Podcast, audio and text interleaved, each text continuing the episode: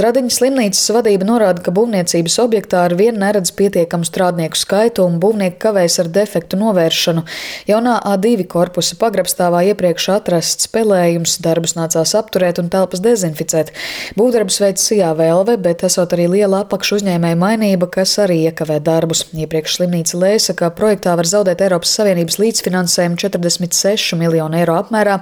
Oktobrī summa pieauga līdz pat 70 miljoniem, bet pat laban slimnīca slimnīcas jaunieceltās valdes vadītājs Lauris Vidis norāda, ka zaudējumi varētu būt mazāki, jo finansējuma apguvi izdevies pātrināt. Ja viss prognoze un reāla apguve līdz gada beigām izpildās kā plānots, tad Eiropas Savienības um, reģionālā attīstības fonda līdzfinansējuma neapguve varētu būt uh, 23,3 miljoniem. Mēs esam arī aktīvi strādājuši pie tā, lai pātrinātu būvdarbu nodošanas procesu un uzlabotu finanšu plūsmu. Noslēgtas ir arī vairākas trīspusējās vienošanās gan ar Reatonu, gan ar Avis un Semitronu, lai mēs kā pasūtītājs spētu norēķināties ar būvmateriālu piegādātāju patiešo. Mēs arī esam iegādājušies papildus medicīnas tehnoloģijas un IT iekārtas projektu ietvaros. Arī ģenerāla prokuratūra ir sākusi pārbaudi par slimnīcas samatu amatpersonu rīcību saistībā ar finansējumu apguvi.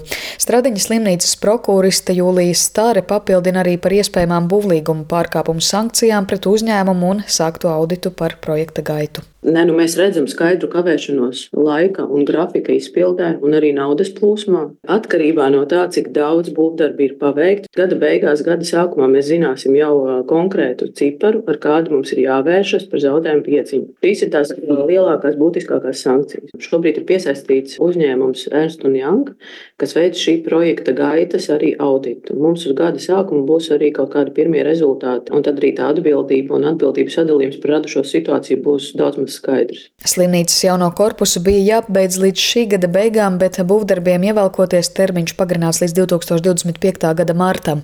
Šobrīd projekta kopējās izmaksas aprēķināts 156 miljonu eiro apmērā.